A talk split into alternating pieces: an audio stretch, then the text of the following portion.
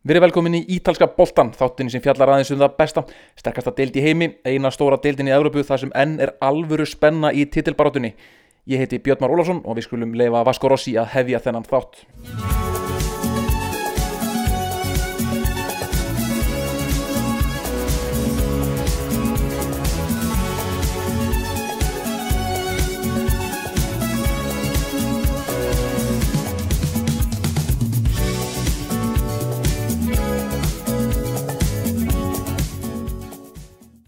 Í þessum þætti er þetta einfalt, ég fjalla aðeins um það besta.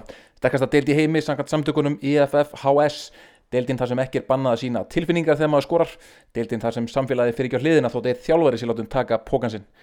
Þessi þáttur er sem fyrr í bóði Origo og ef þið vantar hýsingar eða rekstatunustu, kýttin á origo.is. Allar breytingar eru, auðvöldari með Origo.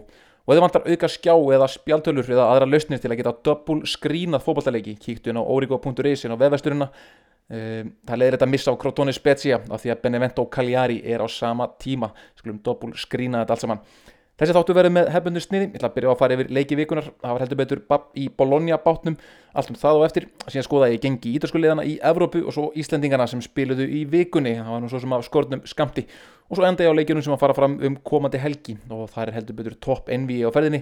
Derby della Madonnina á milli toppliðsins Inter og AC Milan sem er í öðru sæti. En við byrjum á leikjum vikunar og á förstæðin mættust Bologna og Benevento. Leikunum fór 1-1, Bologna komst yfir strax á fyrstu mínútu og Benevento lærisveinar Pippo Inzaghi jöfnuðu á 60. mínútu og Andri Fannar sáð á begnum allan leikin fyrir Bologna. En það var utanvallar sem að þessi, þessi leikur rataði í fyrirsæknar því að stuðnismenn Bologna eru að snúast gegn Sinisa Mihailovic þjálfara Bologna. Stuðnismennir mættu fyrir utan uh, völlin og stuttu leikmennina þegar rútan kerði í gegnum hópin og vildi sína liðinu stuðning á þessum síðustu tímum. Síðan eftir það þá rataði hljóð upptaka úr Bologna rútunni í fjölmjöla. Það sem kom fram að Sinisa Mihailovic vittist vera að gera svolítið grína stuðnismörnum og meðan rútan kerði í gegnum hópin þá sagði Sinisa Mihailovic að þessi stuðnismenn væri svo blóðhittir að þeir þurftu helst að vinna deildina til þess að sætta þessa frábæru stuðnismenn. Þetta tóku stuðnismenn Bologna frekar illa upp og heimtuðu svör frá Sinisa Mihailovic, fannst liðið ekki vera, vera að spila sérstaklega vel, ekki vera að standa sér sakat væntingum og fannst það svona helviti slæmt að Sinisa Mihailovic sjálfur í Bologna sé að gera grína stuðnismönnum sem að voru þó mættir til þess að styðja sína menn. Nú leikum fór svo eins og ég sagði 1-1 og lögadaginn þá sendi uh, félagið frá sér tilkynningum þar sem kom fram að um hafa verið að ræða grín og ekkert uh, hættur eftir það. En það tóku stuðnismennir ekkert sérstaklega vel í heldur. Og uh, um helgina þá eru núna þrýr af fjórum stærstu stuðnismanna hópum Bologna búinir að skrifa undir á svona reysastrónum banner og hengja fyrir utan æfingarsvæði Bologna. Þar sem stendur að stuðnismennir sína tilfinningar og styðja sitt lið í öllu sem gerist á meðan tjálvarinn gerir grín að stuðnismennum það vistum ekki smekklegt. Og Já, stuðnismenni hafa líka tekið fram að núna er það bara treyjan sem þeir styðja. Þetta er eitthvað sem ídarski stuðnismenn segja oft. Eða lendi, ef að hérna, eða þeir eru ósattu með þjálfvaran, þeir styðja ekki þjálfvaran eða ákveðna leikmenn en þeir styðja treyjuna. Og þannig uh, að stuðnismenn Bologna er ekki sáttu með Sinisa Mihailovic og ekki sáttu með það hvernig félagið tók á þessu máli. En uh, eins og 1-1 ásattalegt fyrir Benevento, meðan Bologna menn eru sennilega ekki sáttir með þetta. Nú, annar leikur á, sem var þá á lögadaginn var Tórina Genoa 0-0 í aðtefli, stert kannski hjá Torino sem eru auðvitað búin að reyka þjálfvaran eða komið nýja þjálfvara sem tók við þeim í januar, Davide Nicola hann er búin að þjætta varnaleikin vel hann lið er enn í fallseti. Og uh, þessi stertan á í aðtefli á móti þessu uh, li, uh, Genoa liði sem er í stórkoslu formið þessa dagana undir stjórn Davide Hitman Balladini þá er Torino ekki búið að vinna í síðustu fjórum leikjum. Þeir þurfa að fara að vinna, það er ekki nóg að þetta vörnina það er ekki nóg að ná bara í stig þeir þurfa að ná í sigra til að ná að halda sér uppi. E, á meðan Genoa, þeir eru með svo sem alveg við einu og einu jafntefni, komin að vera á svakalega flottur önni, það var jafnleikur harðuleikur, mikið barist en e, já, niðurstaðan 0-0 nú á lögadaginn þá var síðan annar stór leikur Napoli 1, Juventus 0 og það var Lorenzo Insigne Napoli hetjan sem að skoraði úr viti í fyrirháleik, það reyndi síðan segumarkið, viti var umdelt Andrea Pirlo þjálfur í Juventus var gríðalega ósáttur með dómgæsluna í þessu leik og með þetta viti. Chiellini verist var með, hönd, með höndina í andlitið á uh, Ramani, marðamanni Napoli í inn í Vítatek Juventus í aukarspilnu og dómarinn dæmdi, mér fannst það sem alveg verið hægt að réttlæta þennan Vítadóm það vært þess að aðeinslega að Lorenzo Insigne hafi farið á punktin gegn Juventus því að hann hefur tekið öll víti í Napoli gegn Juventus undanfæran ár og hann hefur eiginlega alltaf klikkað. Uh, meira að segja þegar uh, Napoli var í mikill titilbaróttu og uh, mætti Juventus í mikilvæg leik þá tók hann víti og, og klúraði því. Hann að ég held kannski að hann væri búin að fá nóg. Hann hefur yfirgefið völlin oft í tárum eftir þessi sáru töp gegn Juventus. En hann tók vítið enn og aftur og núna tókstur hann að skora með þetta glæsilegu víti sem reyndi síðan eina mark leiksins. Uh, og spína markurur Napoli mittist í uppbytun þannig að það var Alex Meret sem að spila leikinu í markinu á Napoli og hann lokaði markinu Juventusmenn voru talsveit betri leiknum áttu, voru með yfirbörði á vellinum og áttu 22 skot á móti 10 skotum hjá Napoli. En uh, Meret lokaði markinu og Napoli vann svona frekar, frekar ólíklegan sigur þegar maður skoða tölfræðina úr þessu leik og, og meðal annars fekk Rónaldó færi af svona einsmeta færi en uh, náði ekki að stýra boltanum fram hjá maganum á Alex Meret markverði Napoli eins og ég segi sem átti frábæran leik. En sín ég skoraði hann að setja hundraðasta mark fyrir Napoli það er ekki margi leikmenn hjá Napoli í sögunni sem hafa gert það. Nú, þetta var svolítið slísisvegi hjá Juventus sem er búin að vera á tölveri siklingu í deldinu undanfarið. Þetta var leikur sem er áttu að vinna en uh, getur verið dýrt og uh, eins, og, eins og fór síðan fyrir Inter uh, setna í vikunni þá er það sannlega mjög dýrt fyrir Juventus sem að gæti hafa stimplað sér út úr titilbáltunni en næsti leikur á, sem að fór fram á lögadaginn var Spezia AC Milan og þetta var sá leikur sem náði flestar fyrirsagnir. Vegna þess að nýlega Spezia tóku sér til og bustuðu AC Milan. Þeir áttu öll völd í leiknum frá fyrstu mínútu fram í 7 mínútur í uppbóta tíma Spezia eru auðvitað með uh, ódýrasta liðið með lægst, leikmenn á lægstum launum en uh, AC Milan átti ekki breyk. Og Spezia menn pressuðu það hátt og voru með það mikla yfirburði að það verður ekkert lið hinga til í deildinni oftar unnið boltan og síðasta þrýðungi vallarins heldur en Spezia í þessum leik gegn sjálfum AC Milan. AC Milan voru með stertlið, Zlatan Ibrahimovic spilaði inn á uh, þeir voru með sína hefðbundnu varnalínu þeir voru með Celanoglu sem er komin aftur eftir meðsli, Frank Kessi spilaði þeir áttu eins og segi ekki breyk. Og uh, Spezia búið að vera mikið aðvindýr á þeim hinga til eins og ég vott farið inn á, komið inn á eins og þetta og uh, það var sérstaklega framherrin Agudelo Eh, Kevin Agudelo sem er að láni frá Genoa halgjörð no-name í þessari deild. Hann var maður vallarins spilaði frammi. Eh, en það rauninni skiptir ekki máli hvað spil er á Spezia eins og ég hef líka komið inn á áður þegar uh, hann lætur liðið sitt pressa hótt og uh, allir leikmenn undir stjórn Vincenzo Italiano virðast blómstra. Og segja ekki svolítið mikið að þegar tímabilið byrjaði þá uh, voru þeir með framherjan Andrei Galapinov sem skoraði þrjú mörg í fyrstu tveimuleikjunum þá mittist hann. Þá kom næstu frammeiri Mbala Nsola sem skoraði síðan cirka 8 mörg í eh, nýju leikum svo mittist hann og þá kemur þessi Kevin Agudelo inn og eh, er stórkostlegur. Þannig að það er alveg saman hver spilar. Eh, hann var til dæmis með Tomaso Pobega á bekknum sem hefur búin að vera eitt besti miðum að liðsins kom ekki inn á þessum leik. Og í spesialleginu eru líka nokkru uppaldri strákar. Strákar sem hafa verið að spila með liðinu frá unga aldri eins og fyrirliðin Maggiore bakverðirinnir Vignali og Bastoni og sem dæmi um uh, vinstribakurinn Bastoni sem skoraði þetta stórgóðslegt marki í þessu leik. Með frábæri vinstrifótarskoti þá var hann í fyrra næstu því gengið til liðs við Juve Stabia í serju B. Og við fylgum viðringum fyrir Juve Stabia sem eru auðvitað með grótara stjórnismenn uh, liðið í útíðari Napoli. Þá er hann núna árið setna orðaður við stóru liðin á Ítalíu. Það segir allt um hvað Vincenzo Italiano er að fá út úr þessu specia liði. Annar leikmar sem átti frábæra leik var Emanuel Giassi kantmaður frá Ghana sem er búin að spila held ég bara alla leikina fyrir spetsið á þessu tímabili. Uh, og sem dæmi um launamunin þá var hann þá til að skrifa undir nýjan samning fyrir þessu mánuði. Þá var hann með 100.000 uh, eurur á ári í laun sem að gerir um það byl 15 miljónir króna íslenskar á ári rúmlega miljón á mánuði. Uh, fyrir leikmann í serju A uh, þetta er með því lægra sem það gerist í í serju A. Þetta segir allt svona um uh, gæðin í þessum leikmönum uh, fyrirfram en þeir hafa margir sínt frábæra takta. Eins og þess að spesið átti með stórkvæmslega yfirbyrjus og leik 15 skot á mútið 7 skotum hjá AC Milan og AC Milan átti ekkert skot á mark sem líka gjör svona ótrúlegt. Zlatan sást ekki.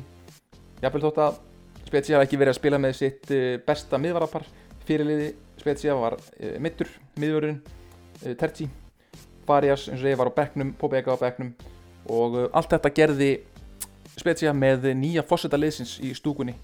Uh, bandarækjamaðurinn Platek sem kipti félagið í síðustu viku hann fekk að sjá sína, já, sína, sína nýjustu eign Spezia vinna þennan sögufræðar sigur á AC Milan á heimavelli. Það var frábæð leikur, mjög skemmtilegur og ég mæli með að fólk horfa á Spezia að spila fókbalta, mjög skemmtilegt fókbaltalið en þá erum við komin á sundaginn við hátuðin á sundaginn þá áttuðust við Róma út í Nesi.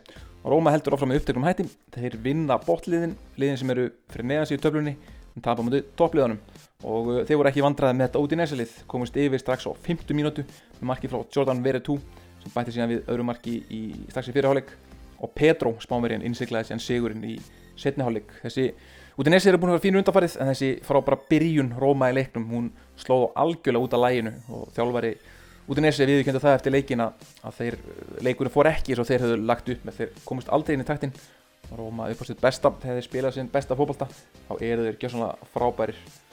Um, þannig að Róma heldur áfram að búlja litluliðin uh, Juan Musso, markverður út í Nesem hefur áður verið orðaður mikið við Róma sem er í leita markverði fyrir næsta tímanbill nú verið sem að hann sé búin að skrifa undir samkómulag við Róma, hann verður sennilega næsti markverður Róma það kom fram í fjölmiðlum stuttu eftir þennan leik.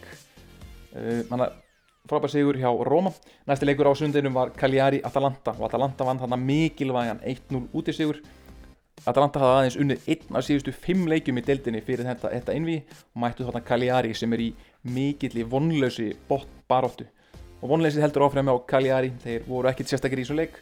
Og uh, þótt að Atalanta hafi þurft á varamannunum Luis Muriel að halda til að vinna leikin þá var þessi sigur svo sem mjög verðskuldaður hjá Atalanta og þeir hafði með þess að átt að fá víti líka í leiknum.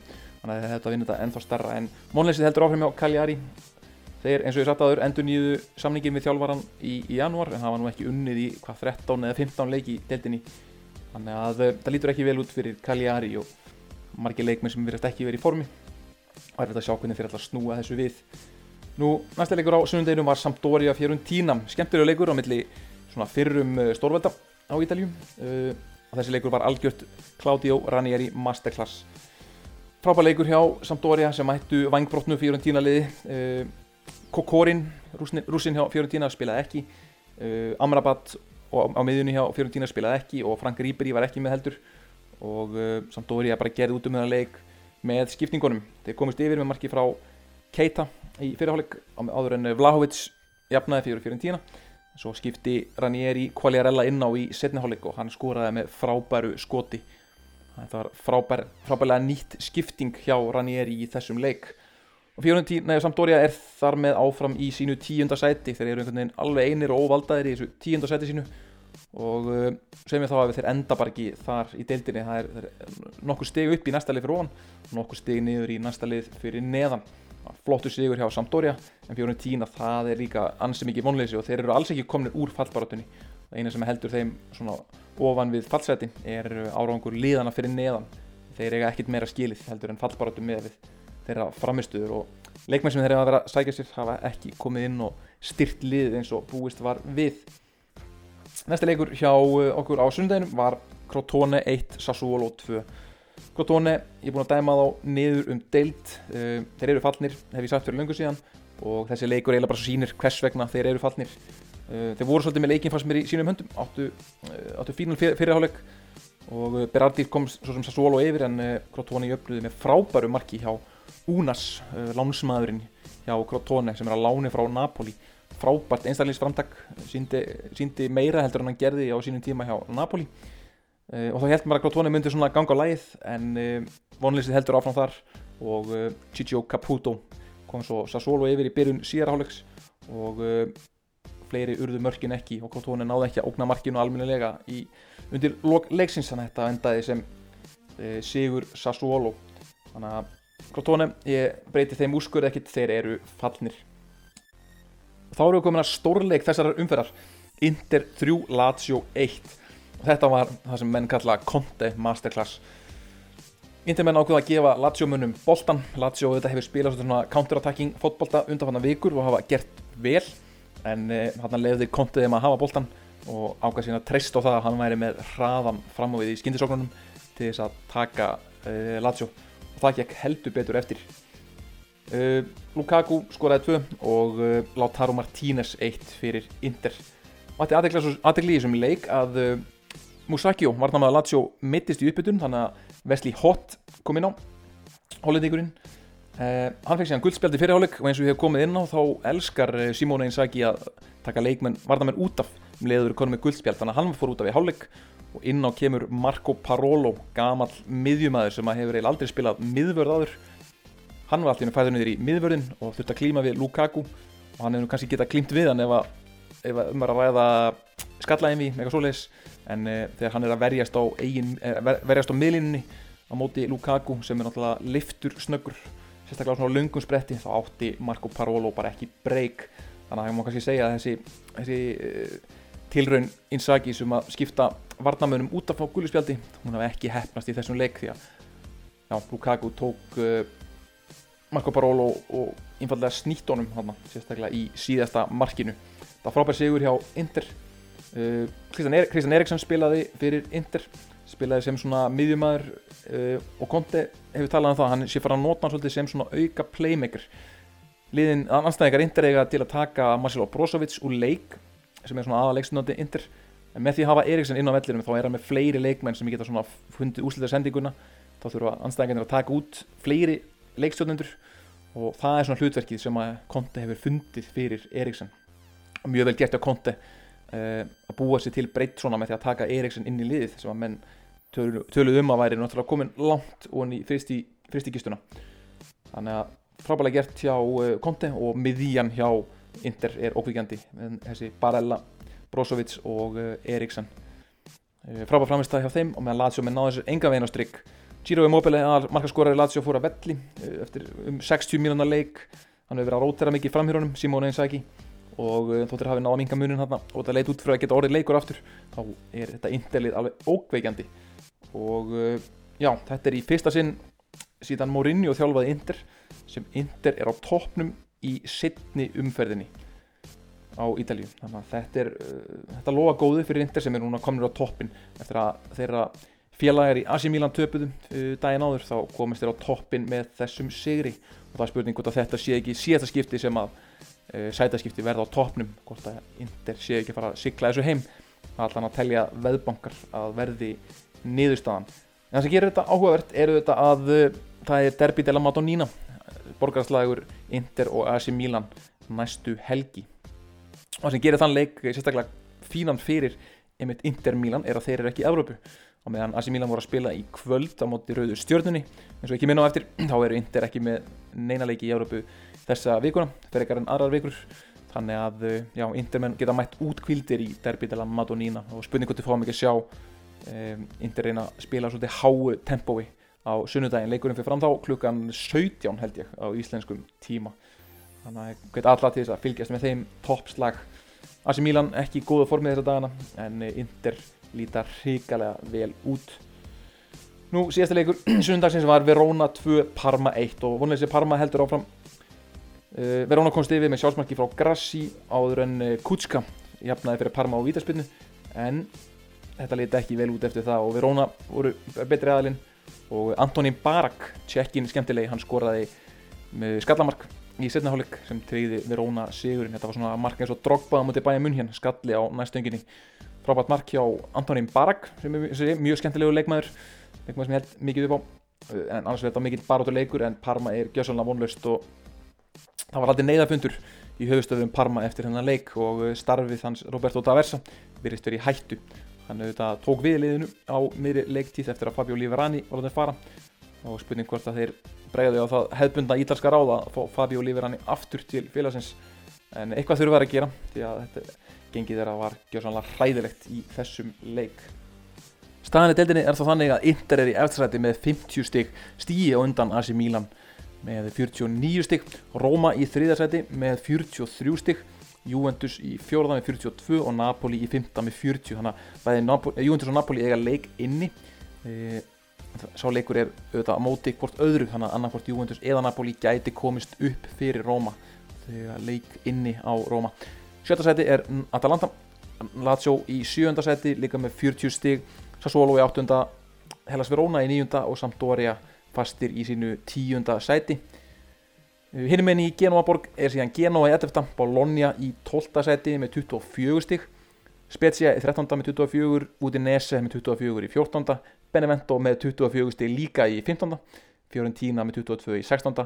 Torino réttur og anfall með 17 stig í 17. seti Cagliari í fallseti uh, með 15 stig Parma í fallseti með, uh, með 13 stig og Crotone fallið það mínum uh, í 20. seti með 12 stig. Stíu eftir Parma en morleysið er meira í Crotone heldur en í Parma. Þá skulum við kíkja aðeins á Evrópu og ítalsku liðin sem áttu umferð í Evrópu núna í þessari viku. Og þetta hóstu þetta á leik Juventus og Porto. Juventus sem auðvitað fekk til sín Cristiano Ronaldo á sínum tíma til þess að vinna meistradelda titilinn. Því að meistradelda titilinn er ekki draumur fyrir Juventus heldur markmið eins og Agnelli Fossetti hefur marg oft sagt. Það er stóri byggarinn, það er byggarinn sem þeir hafa ekki unnið hvað frá árinu 1995 eða 6 og uh, það er svo titil sem skiptir, skiptir meirumáli heldur en uh, deildar titilinn jafnvel. Og þeir mæta Porto og hvað gerist?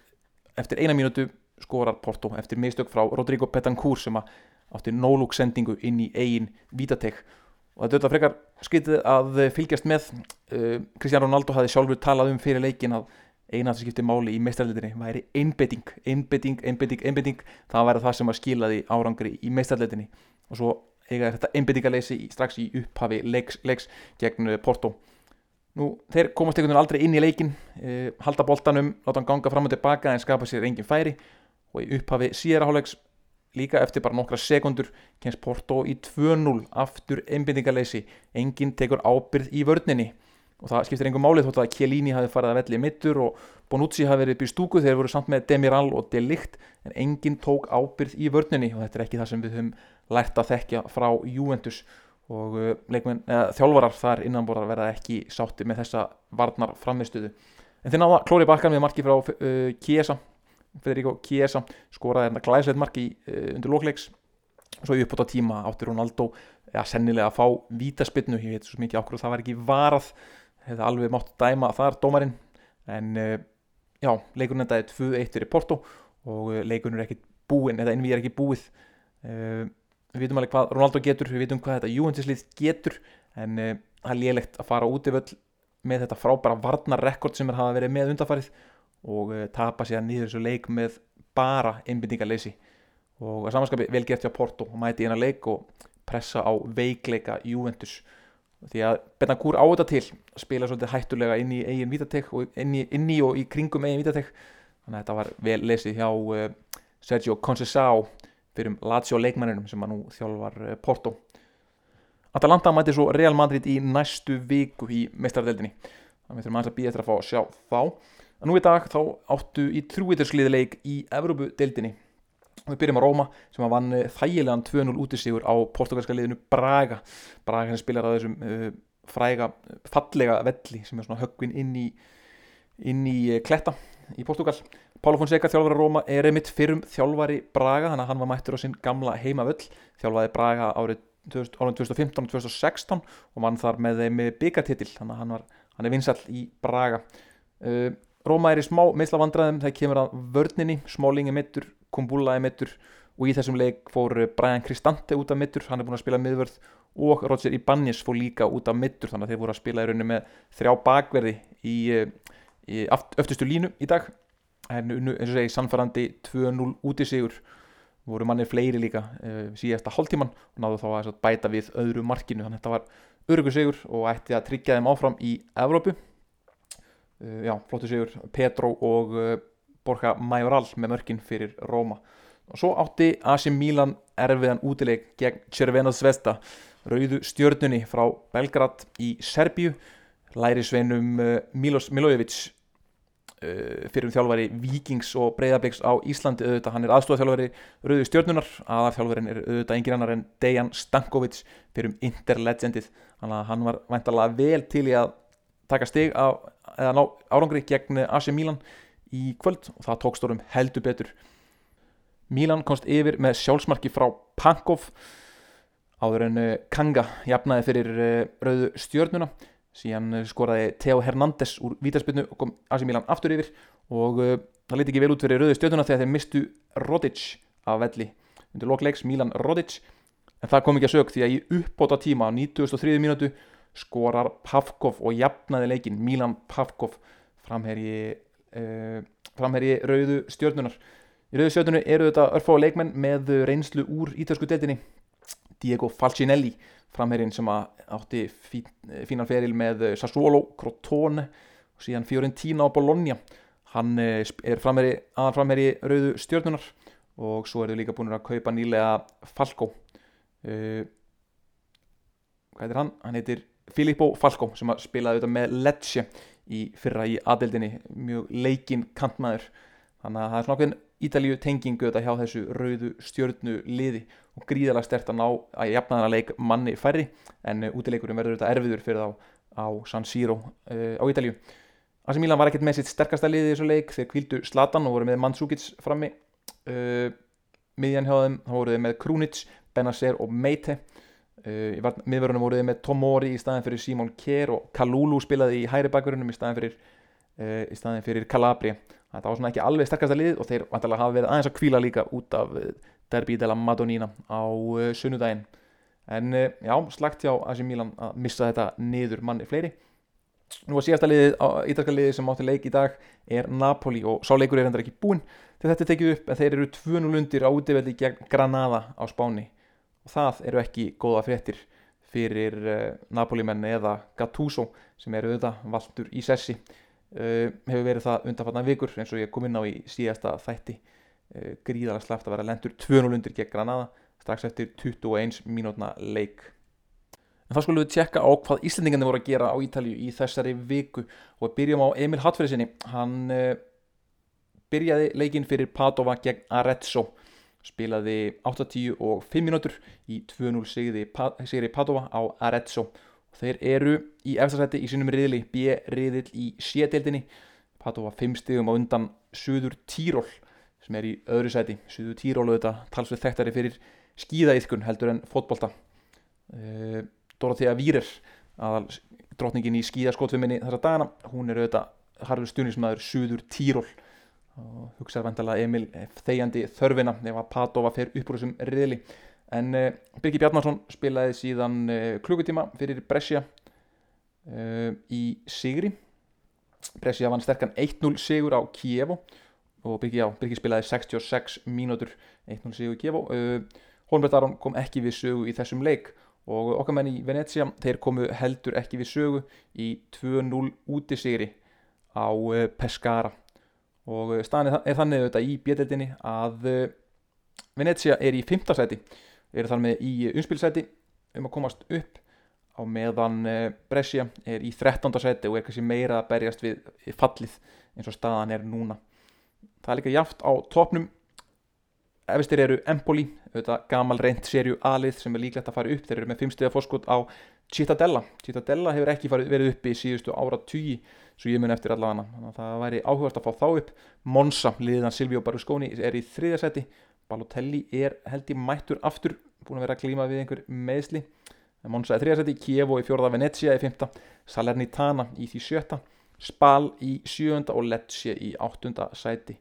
Og uh, já, það eru efstu áttasætin sem skipta máli í bjödeldinni því að það er þetta langa, stránga umspill okkar stelpur í Napoli Laura Pedersen og Guðni Ánandóttir það er áttu ekki leikum helgina því að það var byggarhelgi í ídalska kvenna byggarnum og uh, svo held ég að sé landsleikja pása núna þannig að það er heldur ekki leik núnum helgina. En næstu leikur þeirra er 27. februar gegn Sassuolo. Og vonandi fara þeirra að pikk upp stig fyrir kvennalið Napoli. En það var að koma lokum hjá mér. Og skulum kíkja aðeins á leiki helgarinnar. Þetta hefst alltaf á förstu daginn, það er sem eru tvei leikir, Fiorentina mætir Spezia, leik sem ég mæli með að allir horfi á. Gaman að fylgjast með þessu rosalegu, ros, rosalegu framistuðu Spezia-liðsins í síðustu leikum. Og förstu daginn mætast líka Cagliari og Torino. Og það verður alvöru barátt upp á blóð, líf og dauða. Á lögadaginn mætast svo Lazio og Sampdoria fyrst, síðan mætast, Genoa og Verona. Og kvöldið er svo komið að Sassuolo Bologna. Þar sem við vonumst þetta til að sjá andrafannar á sunnudaginn mæta síðan Parma og Udinese í hátteginu Asi Milan tekur svo á móti Inter í derbi til að Madonina ég held að svo leikur klukkan, uh, klukkan 5 á íslenskum tíma. Það er leikur sem allir eiga að horfa og ef hann er klukkan 5 þá er það þetta fullkominn tími. Eh, við erum búin að sjóða pasta klukkan hálf 5 við erum að koma sér vel fyrir í sofanum áður en sá leikur byrjar. Nú Atalanta-Napoli er síðan leikur sem tekur við strax á eftir þeimleik og svo um kvöldið er það Benevento AS Roma Roma núna mæta liði í, í neðri helmingnum þannig að það má búast við Roma sigri þar. Á mándaginn mæti svo Juventus Crotone á heimavelli.